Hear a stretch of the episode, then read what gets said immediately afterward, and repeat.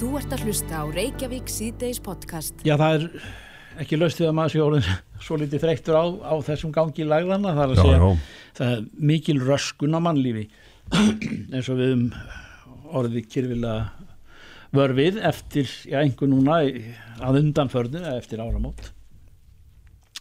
Og, eh, og, og sér nú kannski ekki fyrir endan á þessu, jú, það kannski glittir í, í, í svona einhverja, einhver, einhver, einhverja veðrabreitingar um næstu helgi en Já, allan að svona eftir, eftir háti á miðugut og svona fyrir að rófa eitthvað aðeins til. Já, og, og, og fyrsti dagurinn svona sem er með blíða og, og bjarta spá, það er sunnudagurinn næsti. Já, en við ætlum að aðeins að staldra við þetta vegna þess að einfallega við, maður hefur heyrt af af afdrifum flugfarþega eðlilega. Já, og sérstaklega núna síðasta sólaringin og uh, það lítur nú eh, í fyrsta lagi að því að menn eru mennum er gert aðstæðana vegna að vera í vélunum eh, bæði í lofti og, og náttúrulega lendum já, já. uh, vegna veðus að fá hvorki votni þurft og annað sem að heyri nú til uh, svona nöðsynja í, í lífi hvers og eins uh, Ívar Haldarsson er, er hjá neytendasamtökunum og, og þekkir stöðu neytenda sem að já, sem er náttúrulega ekki ánaður með framvinduna en, en eh, margir hverjir en, en, því er ekki hægt að það er ekki hægt að skáka veðuguðunum eins og kunnugt er og og þetta er erfið mál ekki sagt að, að, að sækja ef að menn vilja fá einhverja bæ- bætur Jú, það er rétt. Þetta er náttúrulega, þetta, þetta blessa veður, það maður stjórna því ekki og ekki nokkuð maður sem getur stjórna því, því miður. Þannig að þetta er svolítið svona óverulega aðstæðar sem að hérna, eiga sér hérna stað. Þannig að eins og þegar flugvelinar orðnar tómar af matvælum og, og drikkjum, það er kannski erfitt fyrir flugfélag að bæta úr því á, á þeirri stundu. Þannig að þetta er auðvitað gríðlega erfið staða þegar fólk lendur í því að vera þannig að stoppa í þessum flugvelum klukkutíma skiptum, sko. En, en þegar að, þegar að uh, kyrsetningastaður neytandans er, er í flugstöð Já, þetta er sko, þegar að flugi er aflistið að senka, það gildir um þau tilveik reglugjari rétti flugfarþega og það er kveðið með góðum hætti á um ímsan rétt sem að neytendur hafa í svona tilveikum þegar flugi er eins og þess tilveiki senkað. Uh, Það er uh, kannski fyrst og fremst uh, sem skiptir máli hér kannski er það hérna rétti til, til að fá uh, nýtt flug síðan meir þegar hægt er að fljúa og svo getur neyndin valið það ef að senkunum er meir en 5 klukkutímar hann getur fengið farmiðar endurgreitan en svo ber henni flugreglunum líka að veita svo kallar rétt til aðstóðar þannig að þegar fólk er búin að býða þarna og í einhver klukkutíma, klukkutíma skiptir að hérna, það þá rétt á endurgreitan máltíðum og hressingum og annað. Já. og það, það er vonandi hægt að, að veita það í, í flugstöðinu fremur en í, í flugvilni sjálfur sko. Mm Og svo voru margir sem voru á leiðinni eh, í flugstöðuna í gær uh, sá uh, en, enga frestun eða neitt á, á sínu flugi og, og, og, og leit allt út fyrir að það yrði þannig að fólk er að í umvörpum að reyna að komast á staðinn og, og svo þegar ítla gengur þá grípur fólk til þess öðri að rása að fara út úr bílunum sín vegna þess að það vil ekki glata háum fjárhæðum sem að hefur lagt í flugmiða hver er réttur þessa fólks? Na, skiljálega að fólk er alltaf í stressa þegar svona ber undir. Já, en þú veist, manni finnst nú kannski að upplýsingagjöf þyrti að vera betri ef þetta er hérna, rétt sem að við tala um í fjölmjölum að það er ekki búið að upplýsa fólk með nægilega góðum hætti um þetta allt saman. Það myndir kannski halda, þú veist, og maður veit ekki um það að, að þessu tímapunkti þá var nú kannski svona útséð að flugi yrði aflýst og maður kannski veit það ekki alveg en þarna kannski hefði maður haldið að þyrti að bæta úr upplýsingagjöfinni ef, að- ef þetta var staðan sko. Já. En getur þetta fólk eh, sótt einhvern rétt? Ef að upp, upplýsingagjöf hefur ekki verið fullnægjandi? Sko reglugerðin kveði kannski ekki beint á um upplýsingagjöfi hvað þetta varðar Nei. en það er þannig að hérna, ef að flugi er aflýst eða senka þá er áðallan rétt sem reglugerðin kveðir á um til dæmis að fá nýtt flug eða svo framvegis þannig að það kannski helst á grundvelli þeirra, þeirra reglugerðar og er aflýst og senka að fólk getur sátt rétt sinn. Já. Já. Uh, ég, ég myndi talandi um þetta tilfelli, ef að flugvöllurinn sem slíkur er fær og það er hægt að fljúa til og frá flugvölli en allt í kringum flugvöllin er á kafi snjó eða, eða ófært uh, geta þá flugfélagin bara flóið sínar ferðir og, og hérna uh, án tilliti til aðstæðina utan flugvellarins Já, ég er nú aldrei fengið svona mál, blessunarlega, Nei, þannig að maður myndi þurfa að skoða þegar að, að því kemur, ef að eitthvað tíma verður að því, en þú veist, ég myndi nú halda það að- flugfélagi hefur nú ekkert um það ráðið hvernig vegagerðinni er háttað. nei, Það er kannski erfitt að sækja flugfélagi myndi, myndi halda, sko. já. Eh, Við erum nú að týna eitt og annað í var sem að okkur hefur bólist til eirna. Eðlilega er fólk náttúrulega að spyrja um svona ymsa hluti þegar, hlutinni fara svona rækilegu skorðum og, eh, og sé nú reyndar ekki endan á því ennþá hvernig eh, að þetta komist í, eða flugsamgöngur komist í eðlilegt horf eins og sagt er en eh, er þó, við regnum nú minni til þess er það ekki eh, fyrir nokkrum árum sem að það var, var eh, svona gengið að því af rauksemi að, að, að fylgja eurósku regluverki. Nú geta menn orðið af tengiflugum og, og þetta getur orðið veruleg röskun á, á já, fjárhæfanna, getur við sagt, eða bara yfirleitt högum manna. Hva, hvað stöndum við í, í því? Það er að segja vegna tafa eða einhverja hluta þá, þá ert þú búin að missa kannski af tveimur samgöngu uh, ferðum lengri eða skemmri leiðum annars það er á nettinum Algjörlega, algjörlega. Og það er sem að segja, sko, regluverkið varðandi fluggöngur er bara þokkalega gott. Mm. Það getur kannski að fylgja flókið fyrir hérna, flugfarþið átt að sjá hvaða reglur gilda. Mm. Það skiptir máli hversu langt flug, flugið er og, og svo framvegis. Þannig að kannski vísa fólki á að það er til svona mjög handhæg reiknivel á heimasíðu Eurósku neyðindastöðunar á ssisland.is þar sem hættir að slá inn fórsendu flugs og sjá svona hvaða réttind er til staðar. En varandi þessi tengiflug að þá skiptir svolítið miklu máli sko hvort að flug er í einni bókun eða mörgum aðskildum. Því að ef þetta er ein bókun, þú veist með einu flugfélagi ein bókun, segjum bara Ísland, Danmörk og Frakland með millinningu í Danmörku, þá ber flugfélagurinn ábyrða að koma þér alla leið til leiðar enda samt bókunni, sem er það þessu Frakland, en ef þetta væri flugfélag A frá Íslandi til Danmörkur og svo flugfélag B í annari bókun frá Danmörkur til Fraklands, þá er það þannig að fyrir að flugfélag ber ekki ábyrð á áframhaldi flugum. Mm. Þannig að þarna skiptir miklu máli hvort er einni bókun eða fleiri aðskildum og svo framvegis. Já, það er í mörgkorn að líta eins og við vissum áður við tókum þetta tal. Ívar Halldórsson hjá neytundarsamtökunum. Það gengur mikið á í loftinu og, og reyndar á jörðu niðri líka. E, svifti vinda samt á þessum vettvangjum þessar myndir en, en kæra þakkir fyrir spjallið. Já, takk. Verður bless. Þetta er Reykjavík C-Days podcast. Um, það gekk mikið á í, hvað er það að segja, í fluginu og, og færðinni hvað síðast í gær Já. Og já, maður er nú ekki bara komist yfir það að kynna sér allt það sem að fór fram.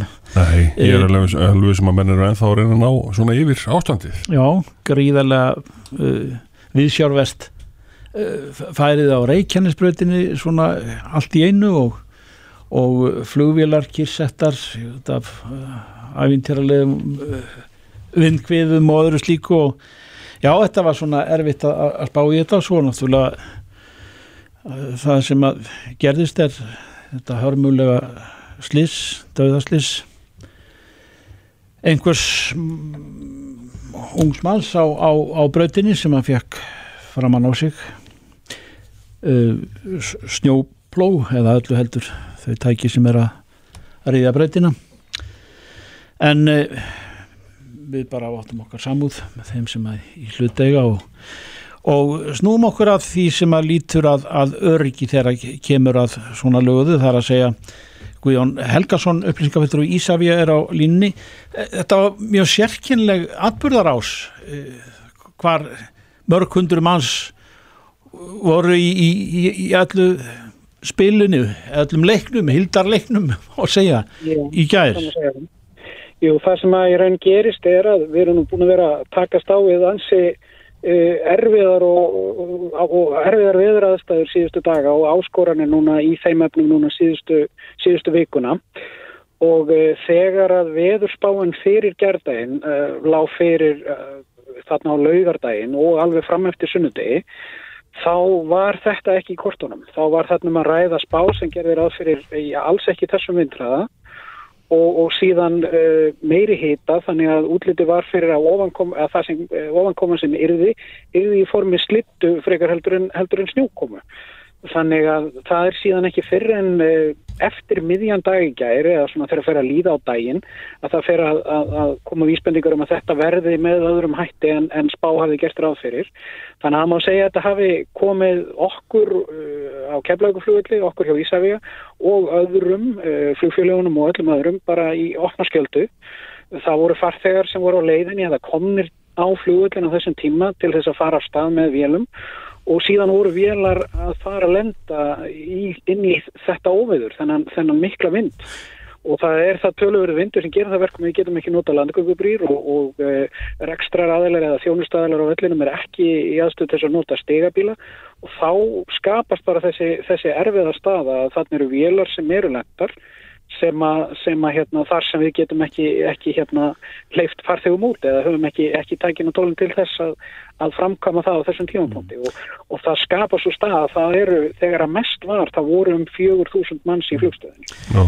En, en Guðjón, er ekki, þar þurfa það ekki að vera öflur í báðleðir þannig að, að fleiri hundru manns haldi ekki út á, á Reykjanesbraut og jáfnvel yfirgefi bílana þegar upp á miðinarseðinni komið til þess að ná flugi eða þar að segja var ekki á nefni stundu hægt að aflýsa flugi og það er, það er bara annað?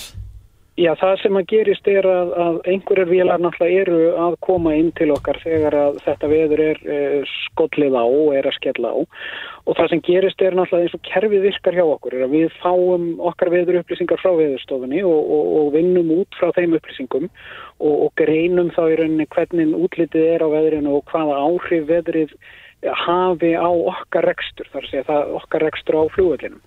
Síðan eigum við í afskaplega góðu og, og, og miklu sambandi við eh, flugfélagin hjá okkur og, og flugþjónustu fyrirtækin sem er að þjónusta flugfélagin sem sjá meðalansum um töskur og annað og aðra þjónustu fyrir flugfélagin við eigum í góðu samtali við þessa aðeila til þess að láta þá vita hvernig við sjáum fyrir okkur að veðurs, veðrið eins og því er spáð hafi áhrif hjá okkur. Þessir aðeilar er sjálfsögðu búin að fá sömu upplýsingar um veður og búin að meta stöðuna út frá því fyrir sig og taka síðan uh, út frá öllum þessum, þessum atriðum ákvarðanir þar að segja flugfélagin taka ákvarðanir um það hvort að hvort að veðrið sé með þeim hætti að, að það sé að flugferðum sé aflýst eða þá að þeim sé flýtt eða frestað eftir aðtökum eða haldið ánfram og, og þarna eru allir náttúrulega með sömu upplýsingar sem gefa til kynna að aðstæðunar verði aðrar heldur en, heldur en vitni no. og þannig, þannig skapast þetta í rauninni og, og, og við það náttúrulega verður að bregðast við og við eh, hérna náum að leipa það, það er hægt að leipa fólki þarna út eftir eftir, um, já, mislanga byð en, en nokkra byð hjá, hjá allmörgum. Og uh, þá er fólki hlift inn í flugstöðuna og síðan er fólki sem var komið á völlin til þess að, til þess að fara í flug, það er, því er það er ánframinn í flugstöðuna vegna það er að hafa skapast þær aðstæður að það er ekki að komast uh, eftir brautinni. Og okkar, okkar fólk var mjög öflugt í því að, að hérna, ásamt náttúrulega starfsfólki í Æslandir og annar flugfélag að, að tryggja það að fólk fengi vatn, samlokur, teppi. Æslandir útvegaði viðbútar vatn handa fólki á, í flugstöðunum eða á þessu, þessu stóð. Oh. Og síðan voru björgunarsveitar fólk og, og, og hérna fólk frá Rauðakrossunum að aðstóða bæði inn í flugstöðunni og fyrir utan þegar að síðan uh, hérna flugstöðun eða þegar leiðina flugstöðunni opnaðist þannig að fólk að farið að halda burt, það komið þarna rútur til þess að sækja fólk meðal annars. Þannig að, þannig að allir aðgerraðalar og allir sem eh, ég fyrir að segja vellingjöldu veldi koma þarna til hjálpar. Og, og, og við okkar fólk bara meðal annars okkar starfsfólk síndi vann bara um, öflugt starfi að mm. aðstöða fólk eins og hægt var. Þetta, þetta er skýrt að þetta þetta kemur óvænt. Já, en hvernig er það með þegar flugvilar eru svona staðsettir út á, út á uh, vellinum uh, og má þá ekkert snerta á þeim? Má ekki þjónusta fólki sem er um borð vegna þess að það voru margi sem að töluðum um að það væri korki votni þurftum um borði í velunum Er ekki þetta þjónasta fólk sem er að býða í vélunum? Aðstæður allavega í þessu tilviki voru bara þannig að það var það mikil vindur að það er ekki, það bara ekki framkvæmulegt á þeim Nei. Það er ekki hægt að, það er ekki hægt að nota stigabíla, það er ekki hægt að nota og ástæðuna fyrir því að þessi tæki er ekki notuð eins og landgangur og annars slikt er höfuð ástæðan er, er öryggisjónamiðin. Þarna geta einfallega orðið slís á fólki ef að, ef að, ef að reynd er að, að, að, uh, til dæmis opna vélina eða opna vélarnar eða, eða hleypa fólki frá borði og, og það er náttúrulega líka að hleypa fólki inn. En uh, þessi mannfjöldi sem að stæðjar út á minniseiðina og, og, og, alltaf, og, og þessi breyting í, í, í veðrum verður með þeim hætti sem raun bara veitni þessi atburðarás uh, og tilkynningar og í, í varðaskynni og, og til leiðbeininga er, er farið yfir þetta aftur? Einhvern veginn, maður er heilt margar sko, spurningar um þetta hvort það ekki hafi verið hægt að koma í veg fyrir allur þessi fjöldi legði til dæmis á Reykjanesbrautina. Og, og þó- þótt þar væri sí- síðar koma daginn að þetta, hún var slæm þessi, þessi lag sem að dengdist yfir mannskapin en, en, en þessi atbyrðarás verður, verður hún skoðuð sérstaklega? Þetta, er óvenjulegt. Já, við, allavega við eh, og ég gerir ráð fyrir allir aðrir viðbræðsæðalar og aðrir sem að, sem að er að taka þátt í, í að leysa úr atbyrðum sem þessum að við að sjálfsögðu, við förum yfir alla slíka atbyrði, alveg, alveg óháð því hvað gerist til þess að bara greina og rína og, og síðan bara nota reynslu til þess að gera enn betur. Já. Hvernig gengur að koma að farþegum sem að lendi í hrakningum í gær til því seima eða áfram í, á sinni leið? Já, það, það er nú, uh, það þurftu kannski flugfélagin helst að svara til um hvernig þau hafa, hafa greitt úr því en mér skilst að það hafi allavega með við þá, þá starfsmenn okkar í keflaug sem ég tala við í dag þá skilst mér að allt hafi gengið uh, nokkuð snurulust fyrir sig í flugstöðin í dag. Uh, en svo er náttúrulega önnurlagið að, að, að skella á núna og, og þá er viðbúnaður, það er, það er meðal annars búið að flýta ferðum og, og annað slíkt og, og veðrið á í kvöld að vera vestmilli, allavega keflauguflugulli eh, milli 7 og 9 og, og þá er bara um að gera fyrir fólk að fylgjast mjög vandlega með uh, tilkynningum eða sem sagt listum yfir komur og brottfærir hjá okkur til þess að sjá hver staðan er en það er ekki, ekki mörg flug sem er að fara um völlin eða eiga að vera að fara um völlin á, á þessum tíma í, í kvöld. Guðan Helgason, upplýsingaföldtrú í Sæfja, bestu þakki fyrir þetta. Takk fyrir. Reykjavík síðdeis á bylginni. Já, við ekki á síðdeis erum að ræða færð og ófærð og, og náttúrulega handbólta með í bland. Þetta er allt spennu þrungið og, og, og svo við nefnum nú það að þá ringdi til okkar maður sem að var að fara yfir Öksnadalseðina rétt en hún lokaði. Bara til sem dæmi en, en uh, skoraði hins vegar á bílstjóra að, að, að eh, hlýða þeim bóðum sem að standa á skiltum við við jarana eða, eða við heiðina til begja enda Já, já. að leggja ekki í hann án þess að eh, vita svona um, um aðstæður svona nokkurn veginn og, og, og getu til þess að komast áfram í ófærðin en, en við höfum haft mörg dæmi núna í reysjóttri tíða undanförnu um já, það sem að skildi ætla að væri eh, kannski einhvers konar kærleysi eða einhver miskilningur eins og til dæmis maðurinn sem að sagði af því björgunarsveita maðurinn að, að þeir hefðu lokað auksnadalsheiðinni, nei, helliseiðinni síðri uh, of seint þannig að uh, eða mönnuðu ekki þá vögt, vakt að bílar færu fram hjá skildum sem að vöruðu við óferð. En og það skildi eftir þá nokkra tví fasta í sköplum Já. upp á heiðinni.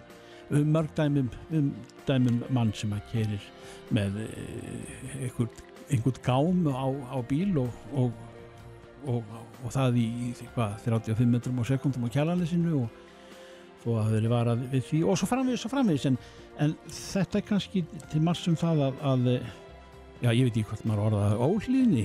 Ólaður Guðmundsson umferðar öryggis sérfræðingur, heil og sæl Já, komið sælir. Er þetta eh, svona það sem maður heyrir í, og er að eh, njóta um í, í óferðinu núna eh, á þessu ári að þetta er ofta á tíðum svona eitthvað sem að menn segja hefði ekki þurft að gerast?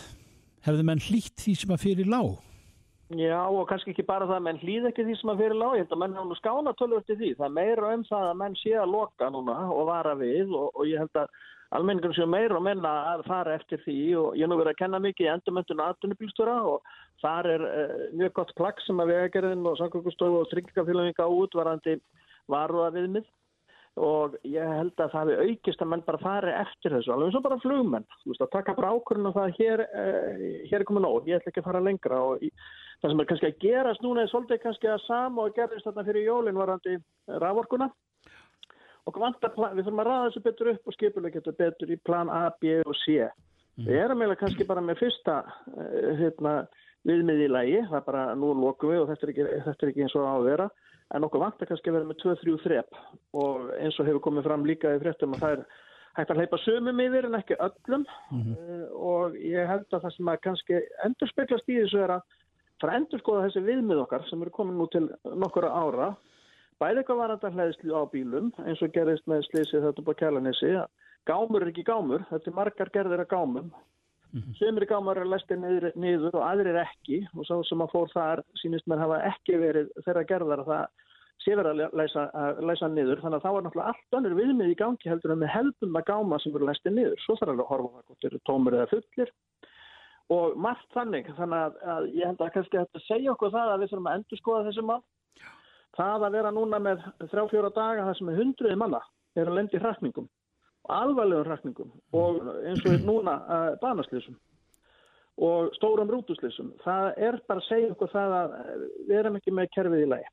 Ég held að það sé kannski lærdómurinn að þessu öllu saman það er ekki bara hægt að skrifa þetta á óhlýðinni ökumanna sem náttúrulega gerist líka. En báðleiðir, en samhæfing á, á, á, á báðleiðum stopnana í milli eða staða í milli eins og keflaugur flugöllur og, og svo björgunarsveitir eða, eða hvað, hvað allir þeir aðilar heita sem að, sem að eru að, að fást við stjórna á þessum hlutum Já, það þarf að skýra það og nikka á því og, og setja þessa báleiðir í réttan farfi og ég hef heyrst að því að núna fyrir helgina um helgina þegar þessu uppákomu voru fyrir norða að þá var ekkert sömu upplýsingar sem fjækst annars, annars vegar frá viðurstofunum og hins vegar frá vegagerðin.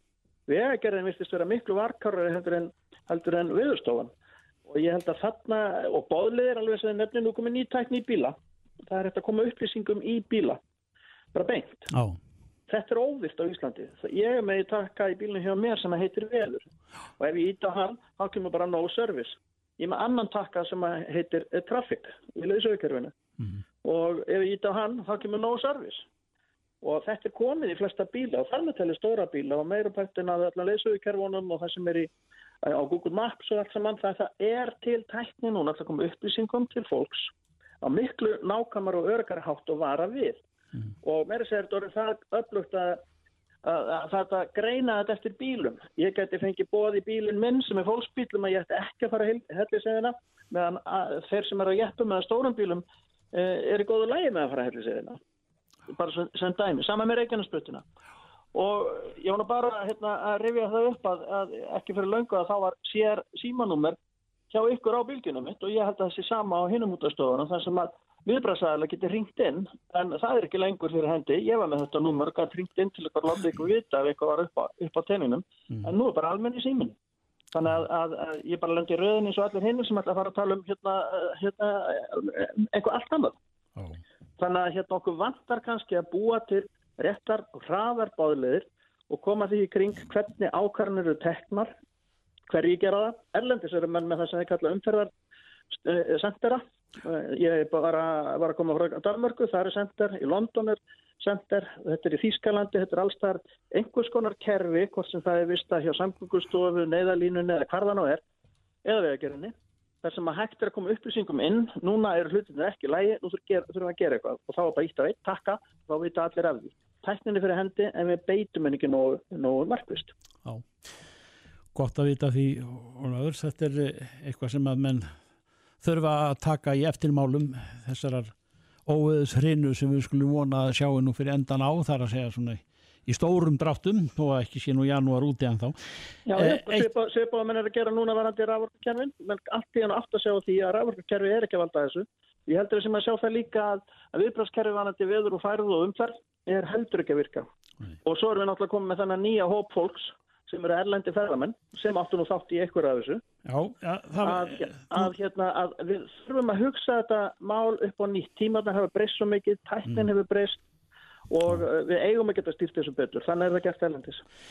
og lettilókin þú nefnir ellendi ferðamenn eða ferðamaður sem að gjör eðilaði nýjan lauruglubíl á Íki Mýrdal af því að hann fó, tók ekki eftir því að, að ringtork var axtusleið til þess að taka fara ring eða öllu heldur halvan ringt til þess að halda för sín áfram en fór bara bent yfir.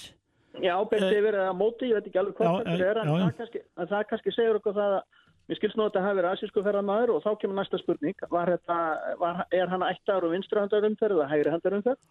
Og þetta er ekkert hérna, óeðleg mistök sem að hann í sjálfu sér gerir af því að þarna er allar yfirbólsmerkingar horfnar, hann er blindu, það er snjóað á öll skilti, hann er kannski að leggja stað frá bensinstöðinni sem ég veit ekki alveg hvort það sé rétt eða Mm, ekki, já. en í öllu falli, þegar ég ker í Brellandi, þá hef ég verið mjög nærri því að gera þessi sömu mistök af því að umferðarkerfið er öðruvísi. Þannig að ég held að þurfa, þetta er eitt af því sem það er að skoða, að af hverju gerða þessi mistök sem að því miður allir þarna meðsla lauruglumanni og eðilega nýja og besta bílinn á Suð- Suðurlandi. Takka, Takkaði fyrir þetta sinni Ólafur Guðmundsson meir um þetta síðar, alveg öruglega, takk Já, takk sem að leðis. Fréttir og fróðleikur. Reykjavík síðdeis á bylgjunni. Já, Reykjavík sýtt þessu bylginni. Nú málefni landsbítalans hafa verið ofalega á baugi. Já, já, við göngum af höfuðmálin Já, menn hafa verið að gaggrina e, stöðuna þar og eh, fjárskort meðal annars en, en e, það var haldinn fundur, nefndafundur á alþingi í dag, velferðanemnd. Já, það er náttúrulega einhverjum blöðum um það að fletta að, að, að það er alveg stöðug uh, óanægju aldan sem er dynur á, á þessu helbriðiskerf okkar og, og við vitum að það hefur nú verið dælt inn í þetta peningum en uh, þú nefnir velferðanemdina og, og alþingis og, og, og svo forsvarsmenn helbriðiskerfi sem sjálf sem að, sem að þinguðu í dag. Formaður nefndarinnar er eh, Helga Vala Helga Dóttir. Helga Dóttir e, Var þetta ánægilegur fundur eða, eða snörp orðaskipti og skoðanaskipti? Hvernig fór þetta Já. fram? Þetta var að sjálfsögðu mjög ánægilegur fundur af því að það er alltaf ánægilegt þegar að kjörnir fulltrúar fá fagfólk inn til sín til þess að, að fræða okkur. Þessi fundar reyna sem að er núna í þessari viku snýst um einmitt að taka utan um allt kerfið af því að vandin á bráðamóttöku landsbítala í fásfógi einskorðast ekki þar. Heldur, er þetta heilbreyðiskerfið allt og þannig höfum við lagt upp þessa viku, dagskrá þessari viku, að byrja á því að ræða við landsbítala og ræða við uh, fulltrúa sem, sem að starfa á bráðamóttöku en, en, en svo munum við tegja okkur um allt kerfið eftir því sem líður á vikuna til þess að kanna hvað má gera betur og, og, og, og hvernig við getum brúðist við þessum vanda. Kom eitthvað nýtt fram í dag? Uh, já, sk- já, sko, það, það er auðvitað ímislegt. Sko, það er alveg ljóst að, að, að vandin er mikil. Uh, maður finnur það, uh, nú vorum við, vorum við að hefja lækna sem er að stafa inn á bráðmótku og maður finnur það að, að, að þeim uh, er öllum mjög allt um starfsitt það sem þau hafa metta sig til og það sem þeim ber að gera þar að segja að sinna sjúklingum. Og þá er þetta mjög erfitt að vera sett við þær aðstæður að geta í rauninni ekki tryggt fylsta öryggi sjúklinga og bjóða fólki upp á aðstæður sem eru ekki ekki eins og, eins og bestur.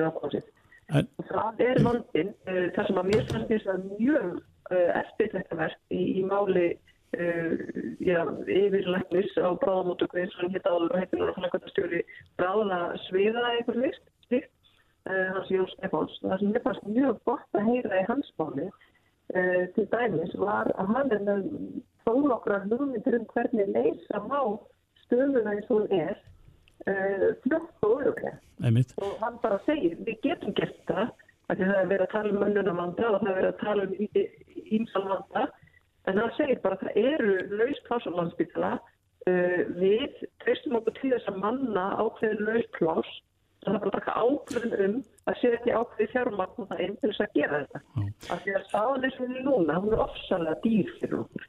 En, Það að hafa fólk á, á, á ganginum á bráðmótökunni heldur en að hafa fólkinu á öndum til, til þess. en, en, en Helga Vala, nú, nú, nú, erum við, já, nú erum við búin að heyra þetta mjög lengi, aftur og aftur, koma hrinur, óanægjur hrinur sem að dinja á, á, á landspítalanum og, og, og kerfinu í heilsinni og, og það, það, einhvern veginn, það er komið svolítið þreita í, í, í það, þetta úrræðaleysi sem er við blasandi. Er eitthvað sem við getum gert nú sérstaklega með bráðamóttökuna í huga uh, sem er fráflæði svandu, við erum búin að heyra þetta svo missurum og árum skiptir.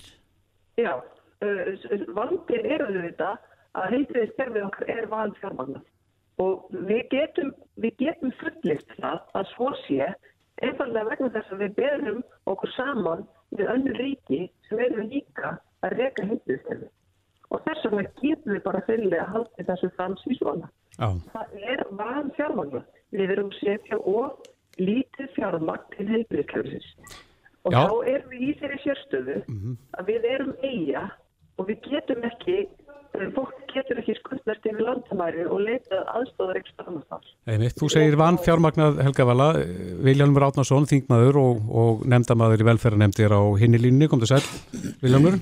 Já, komið sæl. Já, þú ert ekki beint á því að kerfið sé vann fjármagnað, þú látið hafa það eftir í fréttum að, að það mætti nýta þetta fyrir betur. Já, og, og þess vegna veit ég fyrir mér hvort að við Helga valega mikið akkurat vera á sama fundinum í dag, sko, að því að, að, að, að það var kannski ekki það sem stóð upp úr eftir fundöldum dagsins, sko, endalega að, að fjármagni væri allt í þessu eða, eða skortur af því, heldur væri svolítið meira sem skiptir mestu máli sem ég tek út úr þessari umræðu er með það að hljóða mynd fari ekki alveg saman. Sko. Það sem að fólkið á gólfinu, fagfólkið, bæði innan spítalans og utan spítalans, er að benda á það. Hefur fullt af lausn. Það er fagfólki að, að vinna meina á, á, á vandamálum sjúklinga og það vil gera það og hefur tillögur til þess. En þeim finnst bara gagsæðið í íslenska helbriðskerfinu ekki alveg vera, vera nógu gott. Vist, þau komið tillögurna og þau komið tillögur á lausnum en svo allt innu kemur einhver önnu niðurstað við rástöðum fjármaksins og skipulæginu sem endar ofta einhverjum dýrum plástrum innan kerfisins og Mhm. að hann myndast vist sóun. Þannig að, að, að það er fjölþættur vandi í helbriðskerfinu og ef við hefðum meira gegnsæðið, þannig að allir sætu svolítið saman við borðið, þeir sem er að vinna vinnuna og þeir sem að taka ákvarðaninnar, að væri stittri bóðleðir þar á milli til þess að, að hérna, nýta fjármanni betur, gera kerfið skilvirkara og, og, og þjónusta sjúklingin enn betur sem er markmiðið með þessu öllu saman. En Viljum, þú hefur líka sagt að, að, að ímis verk sem að unnin eru innan vekja landsbítalans eða þeirra stofnunar að, að þau gætu allt eins verið unnin annar staðar. Er það ekki rétt skilið? Jú, jú, það er það sem ég verið að segja og það staðfestu starfsfólk landsbytarnas einmitt í dag að, að, að það eru þarna verkefni bæði sem að stjórnundir að fela þeim en líka verkefni sem þau byrji ekki um út af því að það, að því að það kom eiginlega fram að vandin sem slíkur er ekkit á bráðamótum. Vandin er allt annar staðar að bráðamöndingan kemur ekki fólkinu frá sér, fólk eru að koma á bráðamöndingunum sem hafa verið að leysa annar staðar, til dæmis að það, þetta eitt að sé ekki myndgreining eftir klukkan 5 á daginn á Selfossi að það flýtir því, að það hérna, fjölga svona óþarfa hérna, viðvikum á bráðadeildin á landsbytalan og, og að viðvikum hjá sjúkraflutningunum þetta er algjör sóun að mann ekki myndgreiningu á Selfossi. Það er bara ein lítið, eitt lítið dæmi. Uh, oft frétti landsbytalinn ekkit af hérna sjúklingunum fyrir þeir mæta því að þá er einhver fæðingadeild eða einhver bráðamótaka eða kildarinnlög í sjúkrósunum hér í kring farin, farin í sömafrí og lætur ekkit landsbytalan að vita og þannig að, að þetta þannig að, að það er alveg gríðarlega mikið af hlutverki sem að landsbytalinn er að sinna og ekkit alltaf sinni ósk sem að hérna og sjálfnast sem að er hægt að leysa annar staðar en einhvern veginn tekst ekki að, að, að klára það skipula. Já, en tekur undir þetta Helga Val að, að vandir já. þá einhver starf annar staðar heldur en á landsbytalanum sjálfum? Já, já, já, algjörlega. Ég er alveg sammála þessu.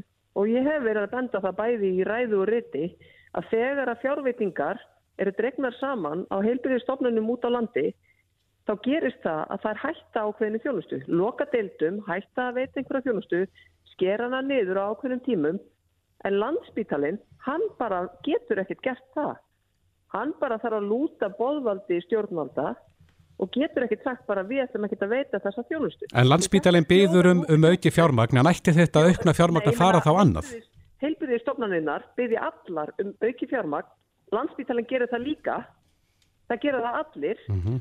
en, en, en þjóðarsjúkrahúsið okkar er eina heilbyrðið stofnanin sem getur ekkert skellt í lás.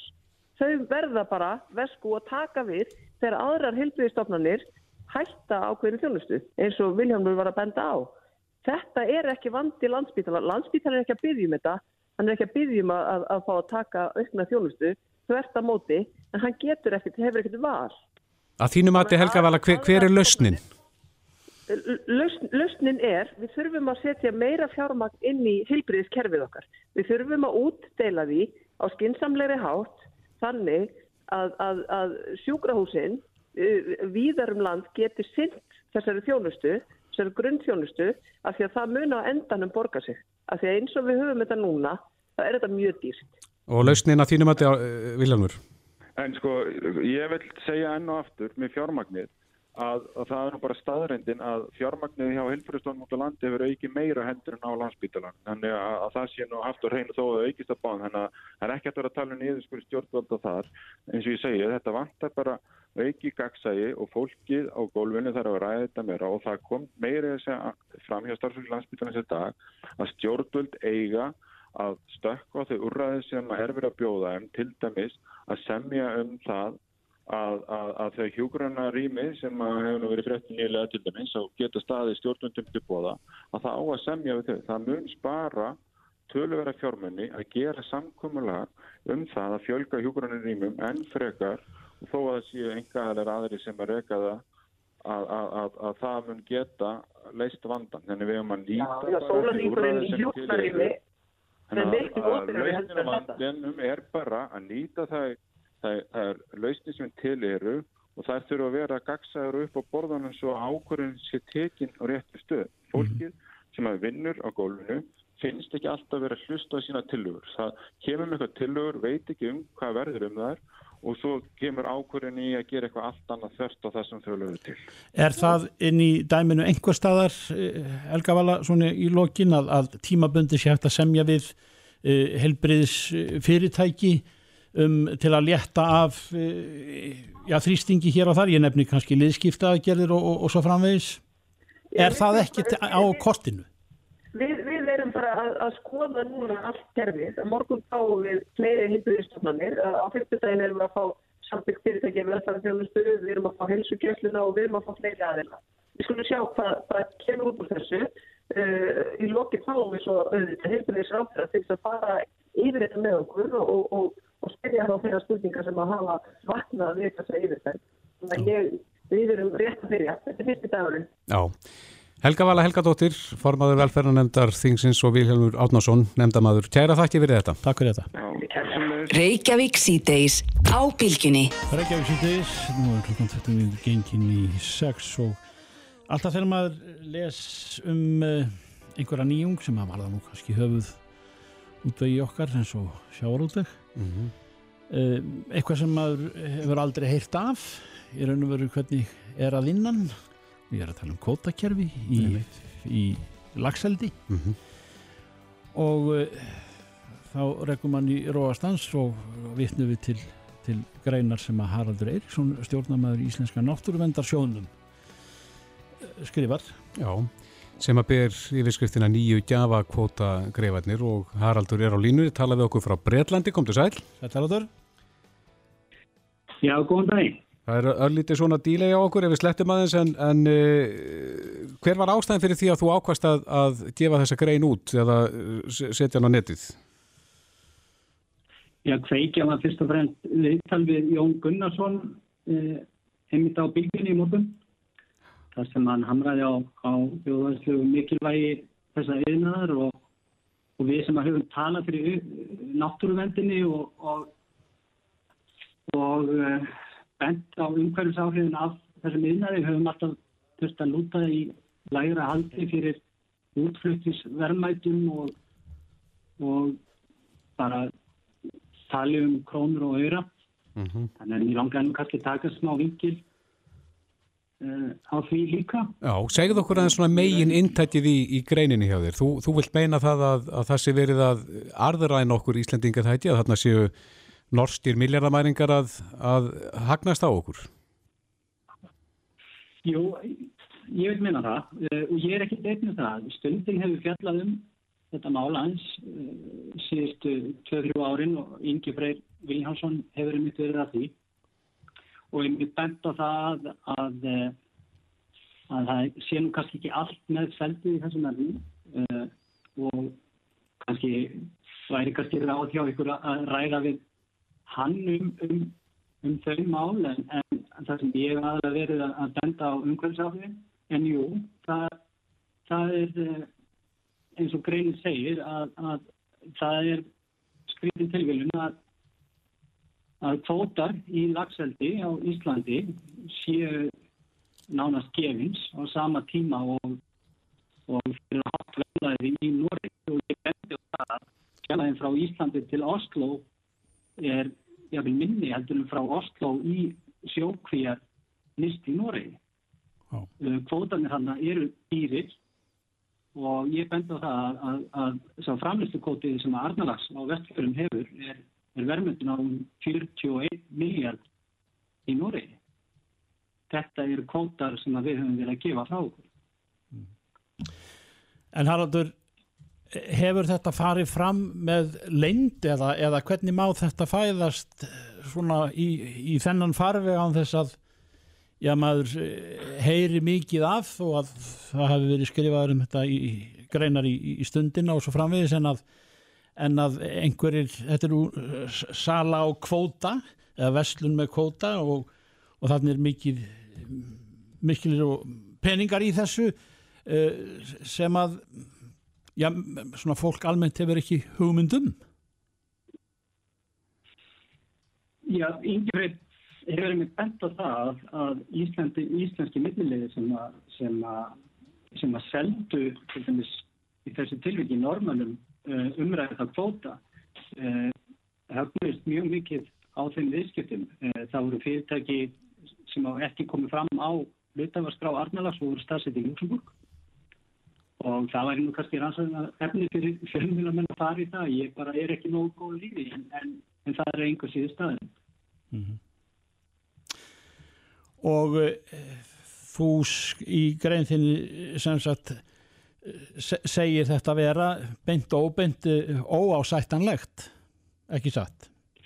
Já, þegar það farið að tala um lagseldi í krónum og tölum og umhverfisveldin er sett til hlýðan eins og verið hefur, þá er eins og að taka bara þá umræðu til enda.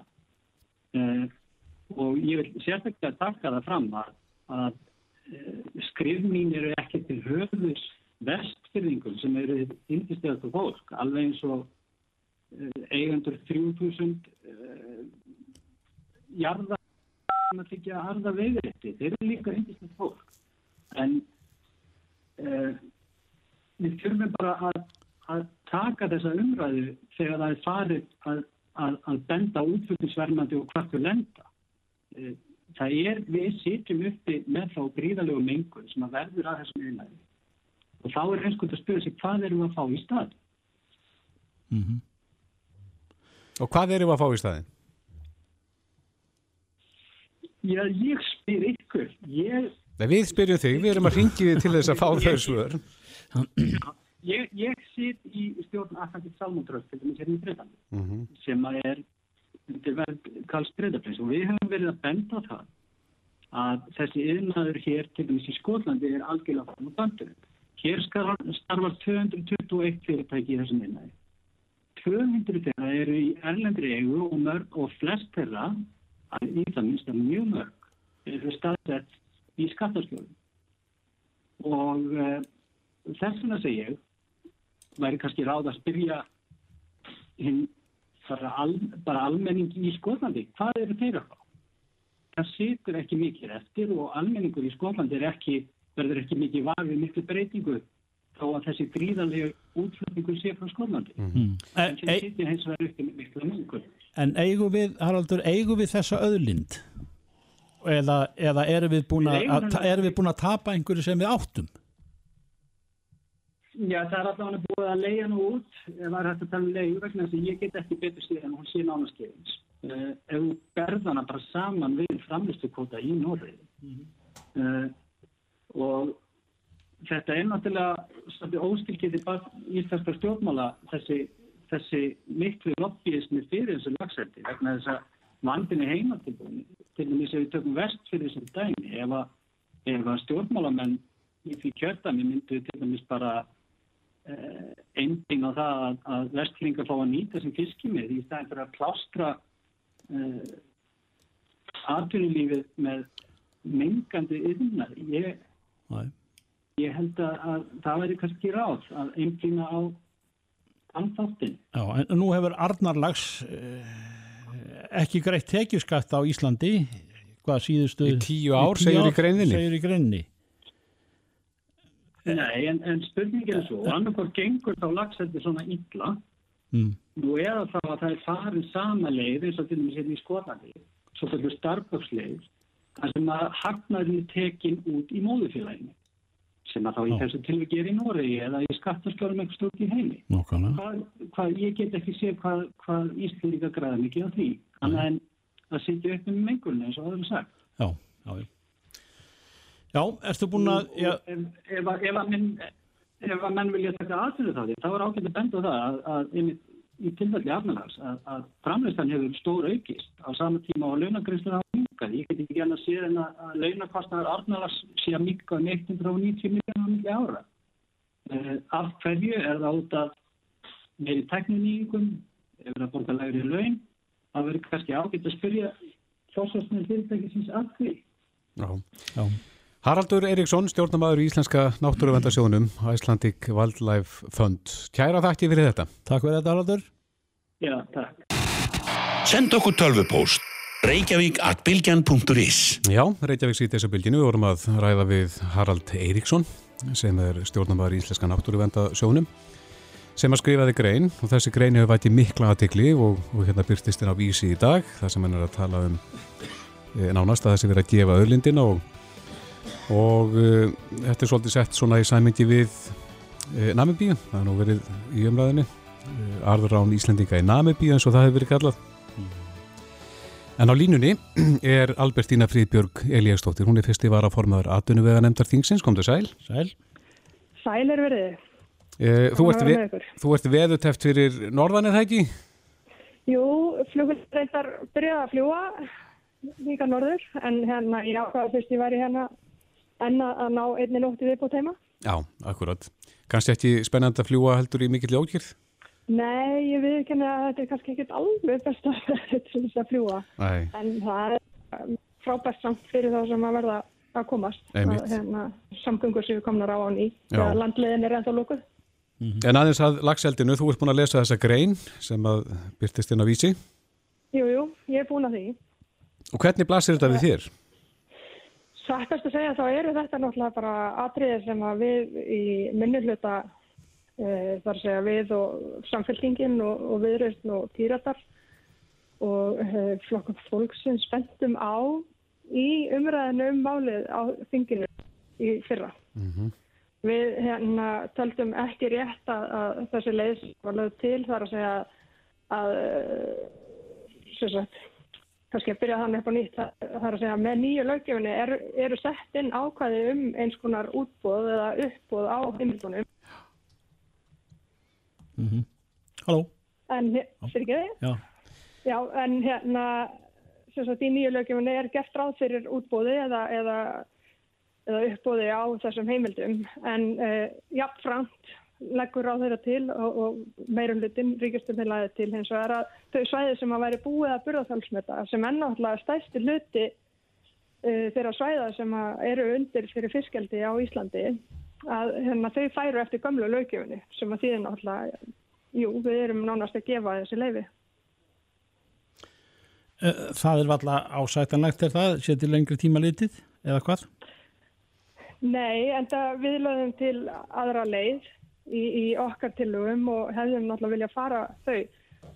Til hvers að vera að setja ný lög og, og setja hérna, uh, leggja til bara mjög flotta leið í raun og veru þar sem að ég talað um að hérna, umsóknir séu metnar út frá ymsum ymsum atriðum, mikilvægum atriðum þar á meðal hérna upphæði tilbóðs reynslu á fyrstildistar sem er fjárháslu styrkur og, og fleira uh, gagvart líka umhverjusumna miðum og, og sumulegis gagvart samfélaginu. Mm -hmm.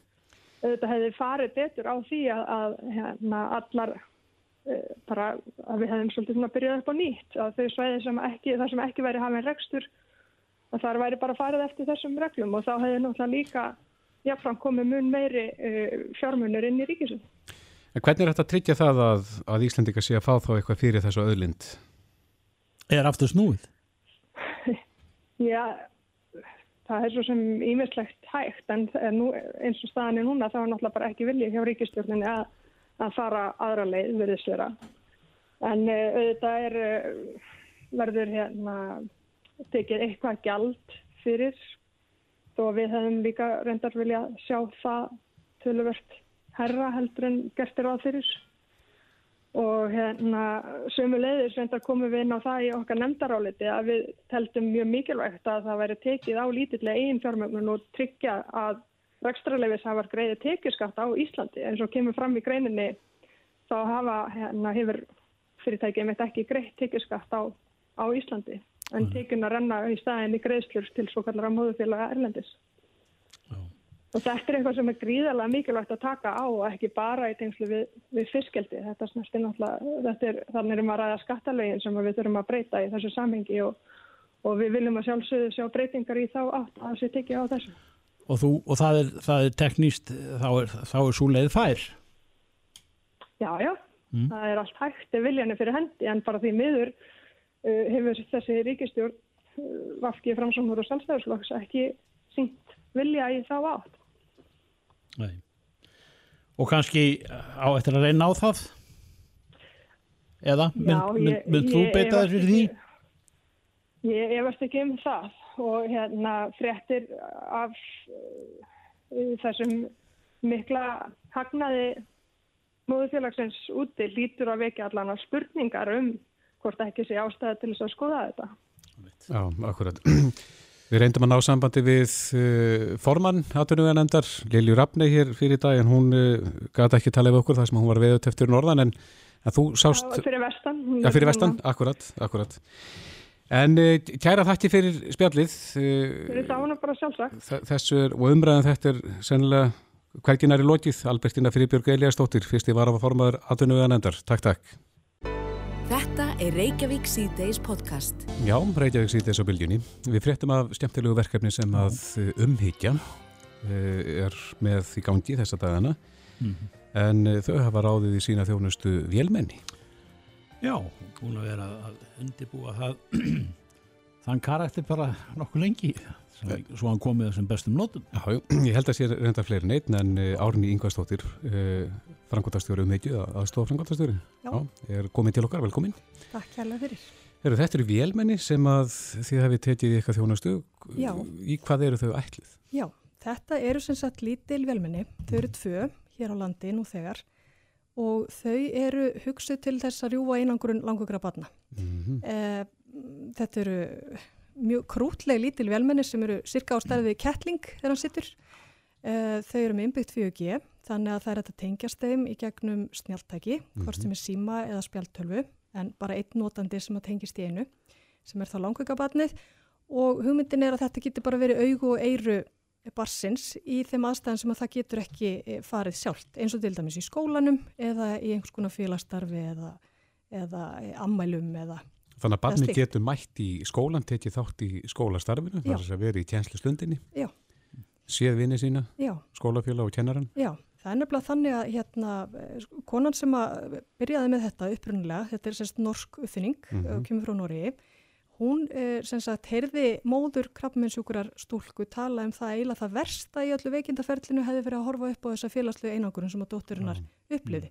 Því börn sem eru að klíma við eh, langvinna sjúkdóma, þau eru oft mjög lengi frá skóla, þá eru að tala um vikur, mánuði og jafnvel misseri og það er ótrúlega margt sem maður missir af þegar maður er ekki á staðnum. Maður veit það bara í vinnunni, ef maður mætir ekki vinnunni í viku, þrátt fyrir að einhver sendi tölupóstu með eitthvað sem gerðist, þá er maður, er maður ekkit með samt sem áður. Það er svo margt sem að fer fram bara í spjalli og öðru slíku og þannig er það í skólanum fyrir krakkana líka. Heitir þessi græi eitthvað?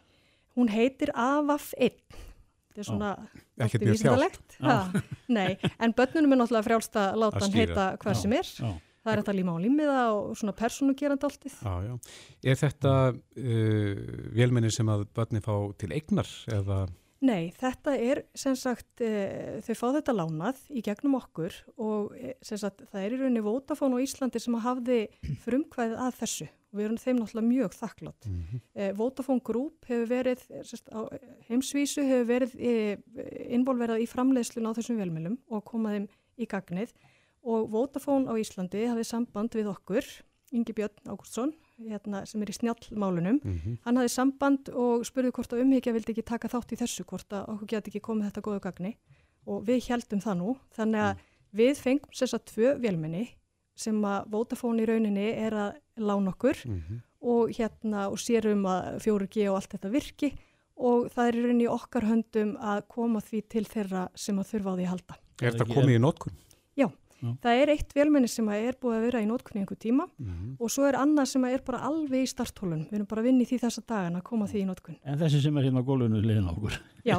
eins og lítill voffi. Já, þetta er, þetta er dútin sjálfur Já, já. af að feitt. Já, þetta er svona á starfið svona kaffivél. Já, þetta er á starfi kaffvél og þetta er í rauninni, það sem er skemmtilegast við þetta er að þetta er eiginlega dáltið eins og svona skemmtilegt leikfang en er í rauninni mjög fullkominn fjárfundabúnaði líka. Já. Þannig að börnunum finnst virkilega gaman að hafa þetta, krakkarnir í skólanum hafa gaman að því að interakta við velmennið, þannig að þetta er í rauninni bara gaman fyrir alla. Sæmilega skapið farinn og allt það. Já, Sæmilega skapið farinn og já, allt það. já, hann hann hefði sér vel. En, en heyra uh, bekkjarsystinin í Já, barninu sem að situr heima þá? Já, sérst, þetta er þannig hannað að það er sem sagt eh, myndströymur sem að fer í aðra áttina. Það er að segja að barnið sem er heima, það getur séð það sem er að gerast í rýminu þar sem að velmennið er og velmenni getur snúið haustnum í 180 gráður og bara gerir það með fingrinum á, á appinu sem þú ert með í snjáltækinu.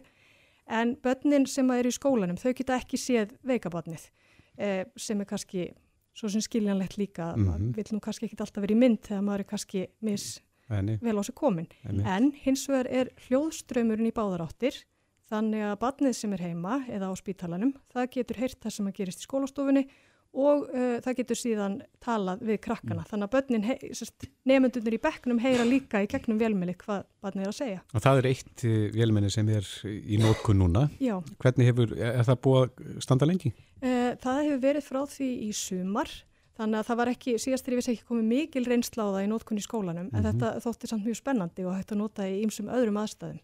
Til dæmis, ég verð bara að segja, eitt sem ég finnst merkilegt, að hérna bara svona upp á það hvað velmenni getur gert og hvert það getur farið, að þá er ekki svo langt síðan að svona velmenni leiti einn af leikmönnum í ennska boltanum inn á völlin. Já, Við veitum að það er alltaf krakkar sem að leiða inn á, Já, já. nema í þessu tilviki fekk langveikt barn að leiða inn á með, með Í gegnum vélmennið. í gegnum.